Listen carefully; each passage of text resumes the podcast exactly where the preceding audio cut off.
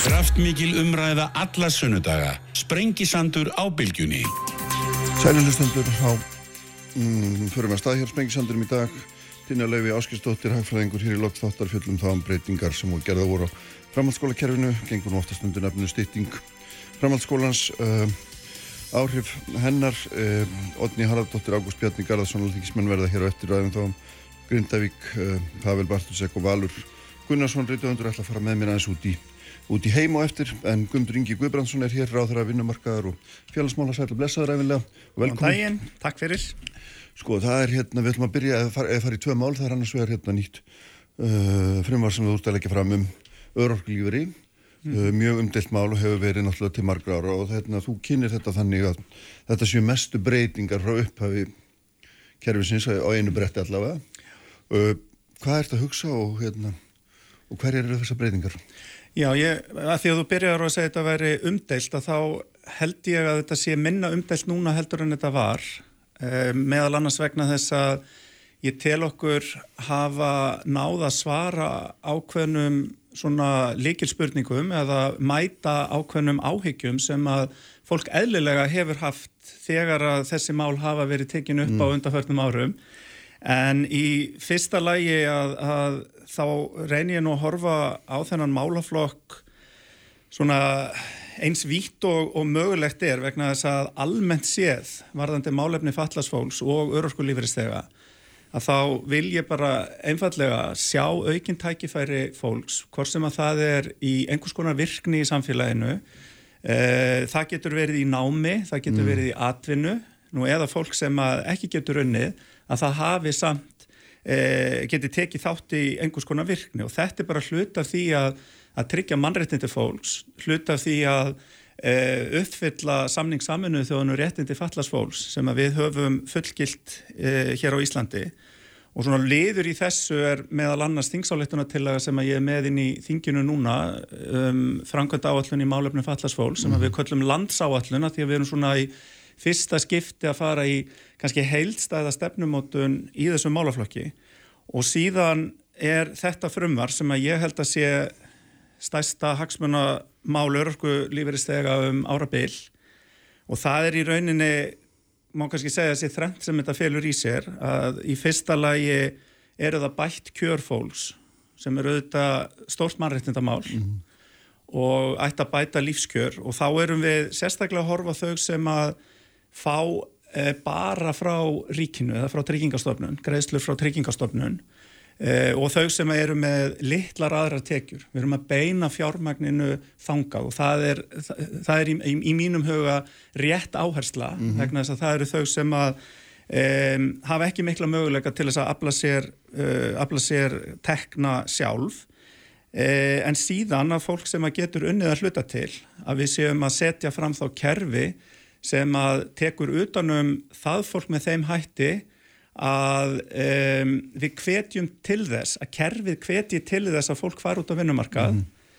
uh, í stað þess að uh, tekjutengingarnar séu svo miklar að þegar að þú fyrsta krónan sem þú vinnur, inn, vinnur þér inn að það sé tekin hluti af henni eins og þetta er í dag. Þannig að þar erum við að setja þá einn fjáraslega kvata og svo í þriðja lagi að þá erum við líka að horfa til þess að bæta þjónustuna sem að við veitum fólki sem að fyrir endurhæfingu eftir slís eða sjúkdóm eða áföll e, til þess að stöðla því að fólk komist aftur út á vinnumarkaðin sem svo háttar til um. Mm -hmm. Þannig að þetta er kannski um, þetta er fyrst og fremst frumvarp sem að nýgur að því að koma fólki aftur á vinnumarkaði eða auðvelda í leiðin að þanga miklu frekar en einhvers konar fjárhagslega áherslega, fjárhagslega styrku til fólks, er það því að minnst þú tala mjög mikið um það svona í upphafi? Nei, þetta er hvori tvekja. Þetta er hvori tvekja? Já, algjörlega hvori tvekja og við erum í rauninni eh, ef þú tekur bara örkulífuristega í dag sem að e, í nýju kerfi væri áfram örkulífuristegi að þá væri kjör hans að batna í lang, lang flestum tilvillum, kannski einhver sem eru með mjög háar lífeyrisjóðstekjur sem að myndu eitthvað lækka í greislum frá ríkjunum þá erum við að tala um jafnvel yfir 6 til 800.000 krónur í lífeyristekjur mm -hmm.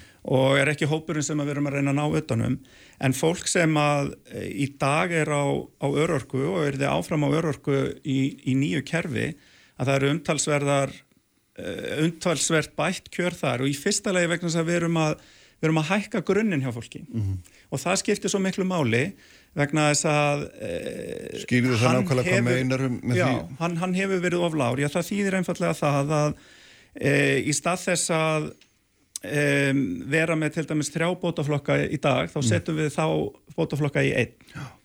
og það þýðir að e, til dæmis sérstök framfæslu uppbót sem er greitt í dag, hún mun heyra sögunni til það er sá flokkur sem að e, er í rauninni kannski að fara einna vest með fólk sem er að reyna fyrir sér út á vinnumarkaði en aðalatrið er það að við erum að hækka grunninn hjá fólki og það þýðir að fólk sem að hefur bara tekið sína frá ríkinu, mm. bara frá tryggingastofnun, að það er að hækka meira og fólk sem hefur litlar aðra tekjur, mm -hmm. það er líka að hækka hlutastlega meira. En þú eru að nefna einhverju tölur í þessu samvíki. Já, ég get gert það, Ek, ekkert mál.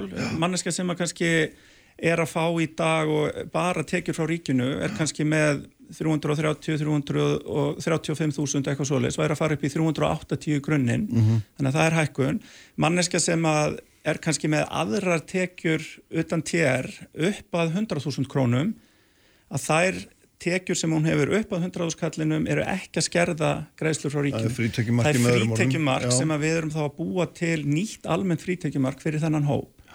Og þetta mun skipta mjög miklu máli fyrir þess að fólk sem hefur engar tekjur aðra en frá ríkinu og fólk sem hefur litlar aðra tekjur en frá ríkinu. Mm -hmm. En við erum líka með það nýmæli að búa til nýjan greiðsluflokk sem er hluta örorkulíferir Já. sem er þá 75% af örorkulífernum en það er þá fyrir fólk sem að getur starfað að hluta til eh, út á vinnumarkaði og þar eru við með mun rýmri frítekjumörk 100.000 eh, krónur almennt, 250.000 krónur vegna launatekna. Þannig í rauninni getur unnið þér fyrir 350.000 krónum í laun án þess að það fer að skerða. Fyrir skatt vantarlega eða hvað? Já, já, allt fyrir skatt. Já. Þannig að þetta eru þá raunverulegi kvatar til þess að, að uh, hvetja fólk til þess að, mm. sem að það getur mm. til að fara út á vinnumarka. En þá vaknar alltaf spurningin já. sem að hefur alltaf verið það sem að, að hérna, hefur komið upp. Hvað ef að manneskja sem að talin er geta stund að hlutavinnu fær ekki starf já, já, hvað gerist þá? Og við erum að svara því með tvennum hætti. Í fyrsta lægi erum við að auka þjónustu sem að vinnumálastofnun veitir um, í alltaf tvö ár og aðstóðar þá viðkomandi einstakling við að fá vinnu við hæfi. Eh, ef að það tekst ekki á tveimur árum, þá er kannski staðan á vinnumarkaðinum einhvern veginn þannig að það hendar ekki viðkomandi mannesku og þá getur hún aftur farið í mat hjá tryggingastofnun mm -hmm. og þá er tekið tillit til þessara sögu, þessara tveggja ára, hvernig þetta gekk og ímist þá farið í e, einhvers konar endurhæfingu til þess að bæta hæfni og færni til þess að taka þátt á vinnumarkaði nú eða þá yfir á örorku. Mm -hmm. Þannig að við erum búin að, erum búin að svara þeim áhyggjum fólk sem að og ég er bara að hluta þeim sem hafi áhyggjur af þessu. Hvað ef ég fæ ekki vinnu Já. er á hluta orðorkulíferi sem er ekki fullur orðorkulíferi hvað gerist það og við erum búin að svara því og það er kannski Njá, það, er, það er mikilvægast í þessu. Já, fólk sem er talið á hluta það getur bara fengið 75% uh, hérna þessara greiðsna uh, og meðan það er að leita sér að vinnum er það ekki? Já, þá fær það, þá fær það viðbót meðan það leytir sér að vinna meðan það leytir sér að vinna færða viðbót. Færða viðbót sem er þá uh, jafn mikið þú værir að fá á örorku. Mm -hmm. og ef þú færði ekki vinnu þá færði nýtt mat. Já, akkurat. En þarna tekum maður eftir að þeir sem hafa fjallaði með þetta eru hrættir við þetta starfsketumat og segja að þetta sé bara dölbúið frumvarp um það og hérna nú er að fara setja þetta í hendur og andlislausum sérfræðingum hvort að fólk geti unnið ekki þegar læknar þessari löngu búinur að úrskurða um hlutfall öryrkunar. Já, en á sama tíma hefur fólk líka bent á það að e, það sé mikil svirði að geta tekið þátt á vinnumarkaði þegar þú hefur getur til þess að vera í hlutastarfi mm -hmm. og við erum þá að, að horfa til þess að kerfið íti undir það með fjárháslegum kvötum en matskerfið að það e, sem við köllum samþætt sérfræðimat það er þá í rauninni að líta til fleiri þáttaheldur en bara líkamleira eins og kannski örorkumatið frá 1999 er svolítið að gera. Við erum að horfa til sálfræðilegra þátta og félagslegra þátta og erum að horfa til kerfi sem að byggir á uh, þróun kerfis hjá allþjóða helbriðismálastofnunni mm -hmm. um færni, föllun og heilsu og þetta er þá þannig að manneskjan, uh, hún fær líka tækifæri til þess að segja bæði hverjar væntingar hennar eru uh, mat hennar á eigin getu. Þannig að við erum að nálgast mati miklu heildrætna en áður. Og ég held að það skipti gríðarlega miklu máli að, að nálgast þetta þannig. Og eins og ég segi, síðan ef þú, ef þú færið ekki vinnu eftir tveggja ára aðstóð einstaklingsbundna aðstóð vinnumálastofnunar að þá áttu alltaf leið aftur inn í kerfið mm. inn á örorkuna og ég held að það sé bara rosalega mikilvægt að við reynum allt sem við getum til að aðstóða fólk við að komast út af vinnumarkaðin sem að getur unni. Já, einmitt. Og þegar að, sagt, þegar þú setjum það að þú sért nú öryggi og þú komist út af vinnumarkaðin með þessum, þessari aðstóða þá hérna, þá blasir við að þú getur unnið einn 100.000 skall, það er frítekjumarkið og að auki fylgja svo 250.000 krónur hérna sérstaklega, sérstaklega án þess að skerða þetta 75% hlutfall. Já og þú getur í rauninni líka nota þessar 100.000 krónur til þess að, að vinna mm -hmm. en það gæti henda sumum hópum eins og til dæmis fólk sem kemur inn á örorku 55 ára að hafa þetta 100.000 krónar almenna frítækjumar vegna þess að það fólk á venjulega eitthvað í lífeyrissjóði þannig að þá getur það mm. dekka 100.000 kall af lífeyrissjóðskreslunum áður en að fyrir að skerða það sem þú færður ríkinu og 250.000 kallin fyrir mm. hlutastarfi Já, en ég er sko því það sem ég held að svona flestir hafur ekki sá gegnum tíðina er það að fólk sem að hérna, þarf að nota sér þetta kerfi því engin vill nú vera á því raun og veru mm -hmm. eh, það skilur ekki hvernig einstaklega þetta þess virka saman hvernig hérna, þetta uh, hérna, þessi laun hafa og hversu mikil, mikil áhrif þau hafa einhverja tiltekna mm -hmm. aðra upphæðar svo framvegis mm -hmm. uh, nærðu í þessu frumvarfi að einfalda þetta þannig að, að hérna, almenningu getur svona nokkur megin átt að sjá þessu svona viksl áhrifum þessara hérna, þáttadra Já, ég vil meina að það sé hægt, að það, það sé það sem við erum að gera með þessu frumvarfi meðal annars og það, sko kannski bara eitt dæmi um þetta. Mm. Við erum með, um, eins og ég sagði á þann, þrjá bótaflokka í dag sem við erum að samina í eitt greiðsluflokk.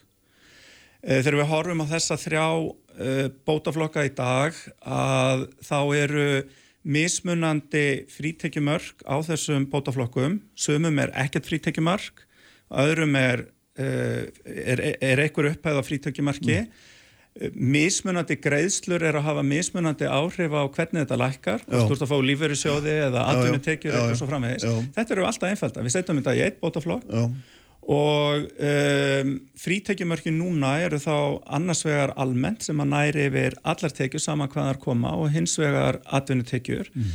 þannig að þá eru mun einfaldar að eftir að þú ert búin að ná frítekjumörkunum farin að fá herri greiðslur en sem nefnur frítekjumörkunum að þá er uh, ein uh, skerðingaprósenta í staðin fyrir að það eru mismunandi í dag.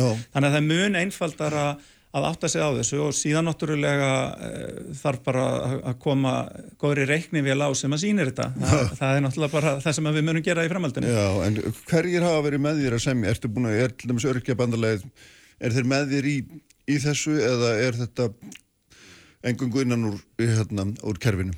Sko ráðunetið samt er náttúrulega frumvarpið uh, eins, og, eins og gengur og gerist en við höfum átt í, í bara mjög góðu samstarfi við hagsmannarsamtök fallasfólks og um líka tala talsvert við aðila vinnumarkaðarins. Ég átti all marga og stóra fundi í fyrra haust í september 23 þar sem að eh, við vorum að kynna hvar við værum stödd eftir að við vorum svona svolítið búin að leggja línutnar í ráðunettinu og þar til dæmis kom mjög skýrt fram hjá flestum hagsmunarsamtökunum og uh, hluta til frá aðilum vinnumarkaðarins. Það voru svona þrjú atriði sem stóðu upp úr. Það verður í fyrsta lagi ekki búa til flöskuhálsa í kerfinu þannig að það þurfa að verða byð eftir að fá mat og svo framvegis. Mm -hmm. uh, í öðru lagi um, þegar kemur að endurhafingu fólk sem hefur lent í slísi eða áfalli er með sjúkdóm reynið að stoppa upp í framfæsluköttin sem er í því kerfi og ég er nú ekki búin að koma að því ennþá mm -hmm. en það eru að reyna að gera meðal annars með því að þegar fólk er að býða eftir að komast í endurhafingu að þá fáið það bara greiðslur og meðan á byðinni stendur í staðin fyrir að þurfa að fara á einstu tvekkja mánuða fresti til læknis til þess að fá upp á skrifað á endurhæfingar áallun um, meðan það er að býða. Mm. Það er að fara í meðferð, það er alveg gott að greiða fólki að meðan það býður, svona sem dæmi, þannig að við erum búin að mæta því og í þriðja lagi þetta, ok, ef við erum með hlutaurarkulíferi og ég á að geta stund að hlutastarf mm. og ég fæ ekki starf, hvað gerist þá og við erum búin að svara því. Já. Þannig að núna þegar við, áðurinn við fórum með þetta í samráðasjálfsögðu þá uh, fór ég og rætti við hagsmunarsamtökinu og aðeila vinnumarkaðarins og ég er að gera mig vonið til þess að við séum að ná utanum þessa kerfisbreytingu eh, því að ég held að hún muni skil okkur mjög miklu bæði til skemmri og lengri tíma. Mm -hmm. Þannig að þú ert búin að ræða við hérna örkipandlaði um a, þetta. Að sjálfsögðu. Já, Já, akkurat og hérna af því að það er nú einhver staðar er það ekki ekkert um okkar án okkar er oft sagt og hérna, þannig að þau, hafa, þeir sem að hérna, nota kerfið hafa það haft um það að segja líka Algjörlega. En sko það er þetta hérna, maður sér fljóðlega þegar maður fyrir að skoða þetta að sko það er einum kortun er svo að að greiðslur almantryggingasjóðum hafi ekki hækkað sko samkvæmt verðlægi frá 2009 og, og hérna það sé gott fyrst að skrefað að leiðrætta það en þú ert mm -hmm. vantilega nær því ekki hér Sko, ég, ég, ég held að við séum á öll af þeim stað að vilja halda áfram að hækka þessar greiðslur og ég mhm. er það mm. en þetta er, er hérna algjörlega skrefi í, í þá átt að, að bæta kjör örku uh, eh, lífeyristega og við erum líka að búa til kerfi sem er miklu einfaldara sem að þýðra í framhaldinu er hægt að horfa betur á einstakka þætti þess og jafnvel að reyna að stilla það betur af með mm. tilliti til sangirni og, og, og réttlætis mm -hmm. og þar finnst mér skipta miklu máli þau sem að hafa eh, engöngu greiðslur frá hennu ofinbera vegna þess að það er, er fólki sem hefur ekki eh, mikla möguleika til þess að afla sér annar að tekna. Nei, nei. Og þú heldur að þér hérna, eitthvað takist að setja samilega bjargring utanum þau? Já og þetta er, er hérna, held ég mjög gott skref í, í, í þá átt. Mm -hmm. En hvað með áhrifin á ríkisjóð?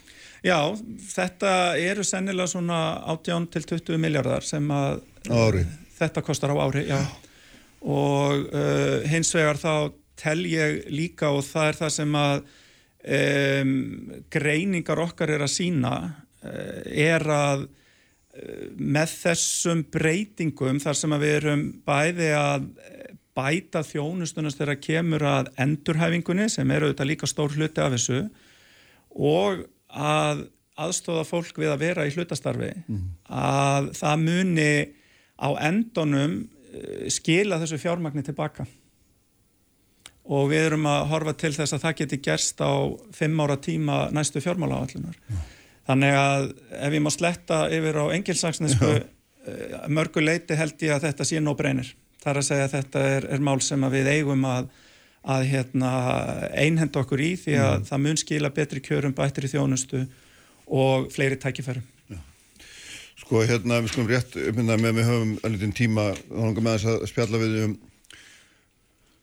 um mál sem hafa aldrei verið í deglunni sem eru einflýtundamálin og hérna hér fyrir viku var Kristrún Farsdóttir farmar samfélkingarnir löngu við tali um svona það sem að sömurli kalla stefnbreytingu en það kannast ekki við.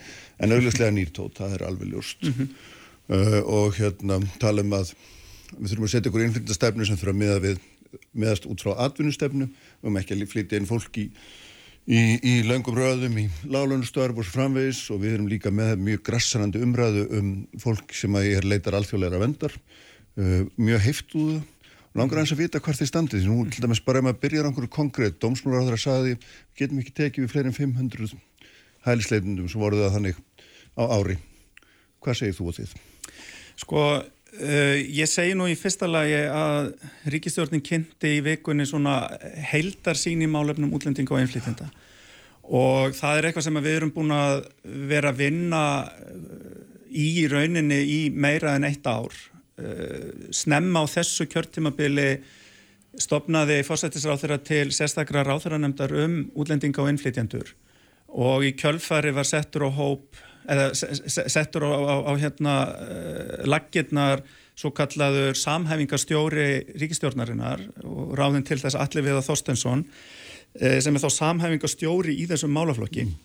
Og hans hlutverk og þess góða teimi sem hann er með, með sér meðal annars og mínuráðunetti og, og dómsmálaráðunettinu er að um, reyna að, að uh, draga saman bæði gögn og þekkingu en líka að sjá til þess að ráðuneytin í rauninni vinni meira saman og þetta er svolítið útkoman mm. að við sem að horfa á þessi mál allt frá því að útlendingu kemur hinga til lands, sama hvort hann er að koma í gegnum verndarkerfið innan, innan frá EES-svæðinu eða utan þess með því að fá atvinnuleifi og þanga til að næra einhvers konar rótfestu hérna í samfélaginu. Og ég hef mestar áhyggjur af því að uh, aukin stjætskipting og ójöfnöður séu að festast í sessi þegar það kemur að innflytjendum og það sjáum við meðal annars bara á uh, sko bæði tölum frá OECD og samanbyrðu við önnu ríki uh, þó svo við stöndum enn hlutvarslega vel gagvart öðrum ríkjum en þá er skýsla fósættisráð þeirra frá því í mægi fyrra um fátækt að sína okkur að þetta er hópurinn sem er að dansa í kringum látækjumörkin mm. og er að festast þar. Það þýðir það að fólk, þess að innflytjandur og börn þeirra er að fá færri tækifæri til þess að blómstara hérna á sama tíma og það eru innflytjandur sem að mhm. halda upp í hagvexti Já. Og verðmættasköpun í samfélaginu. Hvernig leysum við þessa fyrstaði? Já, þetta, þetta þurfum við að leysa meðal annars með því að eh, leggja aukna áherslu á innflytjandamálinn og þar höfum við í fyrsta lagi verið að horfa til þess að e, til heildstæðra stefnumótunar í málefnum innflytjenda. Hún er í gangi í ráðunitunni hjá mér og við tókum saman stöðu innflytjendamála núna í haust með grænbók og ætlum að setja fram stefnu núna í vor og fara með inn í þingið í haust. E, þetta þýðir að mínumatti og það er eitt af því sem er verið að ræði í stefnumótunni að við þurfum lagasetningu mm. um það hvernig við tökum á móti fólki Já og hvernig við stöðlum að aðlöðan og inngildingu þessi í samfélagi. Við eigum ekki, við eigum ekki lög sem að taka á þessu meðan að nágrannaríkin okkar eh, hafa verið með lögjöf sem þessa í kannski 15-20 ár. Mm -hmm. Þannig að þegar við tölum um að færa lögjöfuna nær Norrlöndum þá erum við líka að tala um, um þennan þátt. Um, þetta finnst mér skipta miklu máli og, og við séum að aðstóða skólana betur við að taka á móti börnum og aðstofa þau við að komast inn í tungumálið og fá sömu tækifæri og önnur börn í skólunum sama með íslensku kjenslu til fullorðina meta betur reynslu og, og mentun innflytjanda því að gögnin okkar er að sína okkur það að e, það er algengara að innflytjandi til dæmis með háskólamentun sé í, í hérna, eh, starfi sem ekki krefst háskólamentunar og ofta tíðan þá verðlaunað heldur en innfættur og svo legg ég líka áherslu á það að, að við setjum aukinn kraft í samfélagsfræðslu. Hvernig, hver eru réttind og skildur uh, fólk sem að býra á Íslandi? Mm -hmm. um, hver eru bara einfallega gildi Íslands samfélag sem við höfum verið að þróa undanförnum árum sem að snúa bara á jafnrétti kynja hérna, réttindum hinsegin fólks, vallarsfólks mm. og svo framvegis þannig að þetta er eitthvað sem við verðum að gera betur og um, eru áherslur sem að mér finnst skipta mjög miklu máli inn í þessari heldasín. En sko, myndur þú taka undir það að fólki, ælendu fólki, fólki ælendubergi bróðni hefur fjölga og hratt? Finnst þér það að vera uh, málið? Ég held að, að, að já, hraðin á fjölguninni, hann, hann mætti vera hægari. Mm. Ég held að við getum allir verið sammála um það. Og það sína töluna bara mm. að árið 2012 voru innflytjendur 8% af landsmennum og núna tæpt 20 Já. og það er bara það sem að gögn OECD er að sína okkur að, að vöxturinn er einna hraðastur hér og það þýðir bara á mannamála að það eru að vakstaverkir mm. og við sjáum þetta í skólunum, við sjáum ja. þetta á húsnæðismarkanum og svo framhegis, ja. en við megum ekki gleyma í þessari umræðu að á sama tíma og umræðan hefur snúist langmest að umsækjatum alltíðulega vernd eða hælisleitendum að þá eru 80% innflytjanda koma innan frá EES-væðin og 10% eru að koma í gegnum hælisleitendakerfi. Já, einmitt og, og hérna sem að sko menn hafa sopi kvæljur stjórnmálamenn og Kristjón gerði það líka hérna yfir 20 miljardum sem sem vilja meina sín og ennþá meira í þessu hælisleitendakerfi. Hver er þín skoðun á því? Já, er þetta á dýrt? Ég held sko að þarna sé hægt að ná fram heilmiklir hagraðingu mm -hmm. og einfallega ef við horfum bara á sko þann tíma sem að tekur að afgreða umsóknir fólk sem að hinga kemur þá er hann tvöfaldast hann er að meðaltælu um hálft ár en ætti að vera um þrýr mánuðir og bara þarna ætti að vera hægt að við næðum ánum aftur niður í, í hérna uh, svona e-, eðlilega hraða þar að segja um 90 daga, þrjá, þrjá mánuði að þá ætti að geta sparast jafnvel 3-4 miljardar með við þann fjölda sem er að koma enga mm -hmm. og það verður þá eitthvað að nota eitthvað hlut af þeim peningum inn í þessi mál sem ég er að tala um aðstóði skólunum, íslensku kjensluna uh, meta hérna, reynslu og störfóls til þess að hjálpa því að aðlagast samfélagin mm -hmm. og þetta finnst mér vera algjört líkilatrið að við, við náum betur utanum.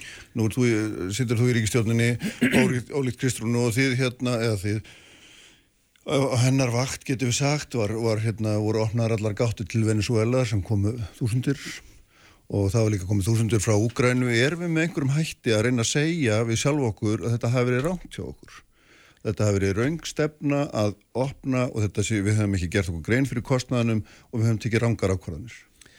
Eh, Ég, sko það voru auðvitað, það var mikil samstaða um samþygt útlendingalagan árið 2016 það náðist pólitísk samstað um það sem að ég tel að sé verðmætt. En síðan eru í rauninni gjörbreyttir tímar. Já, já. Það er miklu miklu fleira fólk sem að sækjeringa bæði en engum þó frá þessum tveimur engum frá þessum tveimur já. og í, í, í, í tilfelli sko Úkrænu erum við að fylgja því sem aðrar Evropaþjóðir gera. Og en ef við erum að kvartu við kostnaðunum og finnst það mikil þá erum við líka að segja það að sá hópur sem við erum að hleytina, hann kostar á mikið. Og það er þessi hópur. Já, reyndar Ukrænufólki, það kemur á þessari fjöldaflótta grein í útlendinga hérna e, lögunum og, og staldra stutt við í kerfinu. Þau fá yfirleitt afkvæmslu sinna mála á 3-4 dögum og eru síðan í 8 vikur í húsnæði vinnumálastofnuna áður en þau fara á almennan húsnæðismarka. Þannig að þau í öllum þessum skoðunum okkar á að geta sparað e, í þessum umsóknum þá er Úkræna eiginlega fyrir utan svega. Mm. en það er alveg rétt, hingað hefur komið hlutastlega gríðalögu fjöldi Venezuela búa í samanburði við löndin í, í, í kringum okkur. Önnur ríkja á Norðurlöndunum e, eru, það, það eru aðrir hópar sem að hlutastlega eru að koma fleiri til þeirra heldur en okkar í einhverjum tilfellum. En um, ég skal ekki segja að þetta var ákverðun útlendingastofnunar og síðan kærunemdarinnar á sínum tíma að veita vinus og vela fólki viðbútarvernd mm. síðan sem að þýðir það já, það kom mjög mikill fjöldi þaðan hinga til land síðan er í rauninni bakka, bakka Ég fannst þetta að vera allt og mikið er það myndið að vera stefna vinstri græna að loka á þetta? Sko þarna finnst mér skipta opaslega miklu máli að við erum með mat sérfræðinga inn á stopnunum til þess að metta þetta mm -hmm. og það var það sem ég var að koma. Síðan kemur það mat fram að það þurfi ekki viðbótarvend og þá hefur fælkað umsóknum uh, frá Venezuela sem að ég myndi segja væri uh, í rauninni við verðum að treysta því að það sé fagleg ákverðun þeirra stjórnvalda sem að með hann að fara hins vegar þá hefur gengið allt og hægt að vinna á umsokna fjöldanum mm. þannig að fólk er búið að vera hérna allt og lengi og ja. það er ekki gott fyrir fólki Nei. að þurfa að býða svona lengi það getur ítt undir svarta atvinnustarfsemi það getur ítt undir það að það sé brotið á fólki á vinnumarkaði þannig að það er til rosalega mikil að vinna að stitta þennan tíma sem að tekur að fara í gegnum umsoknar því það er mannúðanmál og líka um, á sama tíma sparar okkur að sjálfsögðu fjármann mm -hmm. er, sko, Hver er í raun og veru ykkar stefna að maður getur varðar að það sem Kristrún nefndi sko, til þess að reyka velferðarkerfi þá þurfum við að hafa stjórn á landamærunum. Myndir þú geta tekið undir það? Er, það er það eitthvað sem að þið getur tekið undir? Ég er svolítið að reyna að spyrja hvernig já, já. hvaða, hvað við erum að ganga langt í að taka móti fólki? Já, að að þú sér það alveg sjálfur eins og ég að hérna það er mikil, það er, og það er ekki hægt að ignorera þá óanægur sem er með það að við séum að eigða þetta miklum peningum í þetta og, og hérna og svo framvegi sko. Sko, í dag rekum við stefnu uh, í dag rekum við ekki stefnu um opin landamæri, ég held að það sé mjög mikilvægt að við áttum okkur á því. Uh, bæði er hún ekki opinga hvert hælisleitundum og hún er ekki opinga hvert fólki utan EES en við erum vissulega hluti af EES-svæðinu og, og, og þar er frjálst flæði fólks í, hérna, eins og við, við vitum. Um, ég er þeirra skoðunar að mér finnst eðlilegt að laga umhverfið okkar sé ekki mjög frábröðu því sem að er í löndunum í kringum okkur og uh, ég nefndi hérna áðan í innflytjandamálum mm. en ég segi það sama fyrir þegar kemur á vendarkerfinu mm. og það gæti þá orðið til þess ef við færum það nær hinn um Norðurlöndunum að það myndi fækka fólki sem að hinga sækir, einfallega vegna þess að við erum til dæmis með þá sér reglu sem að er ekki annar staðar í Evrópu að fólk sem að þegar hefur fengið vernd í öðru ríki getur komið og látið reyna á það hérna. Það er svona eitt ágætti stæmi. En á sama tíma Mundur þú vilja vísa því fólki bara eins og alveg styrpurtum?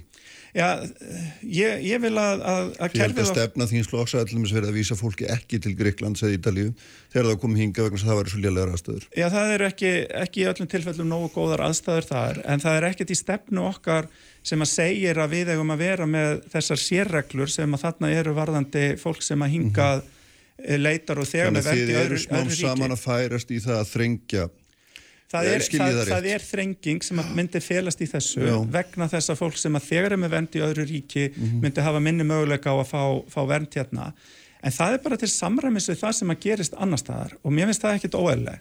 En mér langar að benda á það að fólk sem að þegar hefur fengið vernd í öðru ríki það er búið að fara einu sinni í gegnum uh, þessar umsóknir um að, um að fá yfir höfu vernd þá í þessu tilfelli í Evrópu.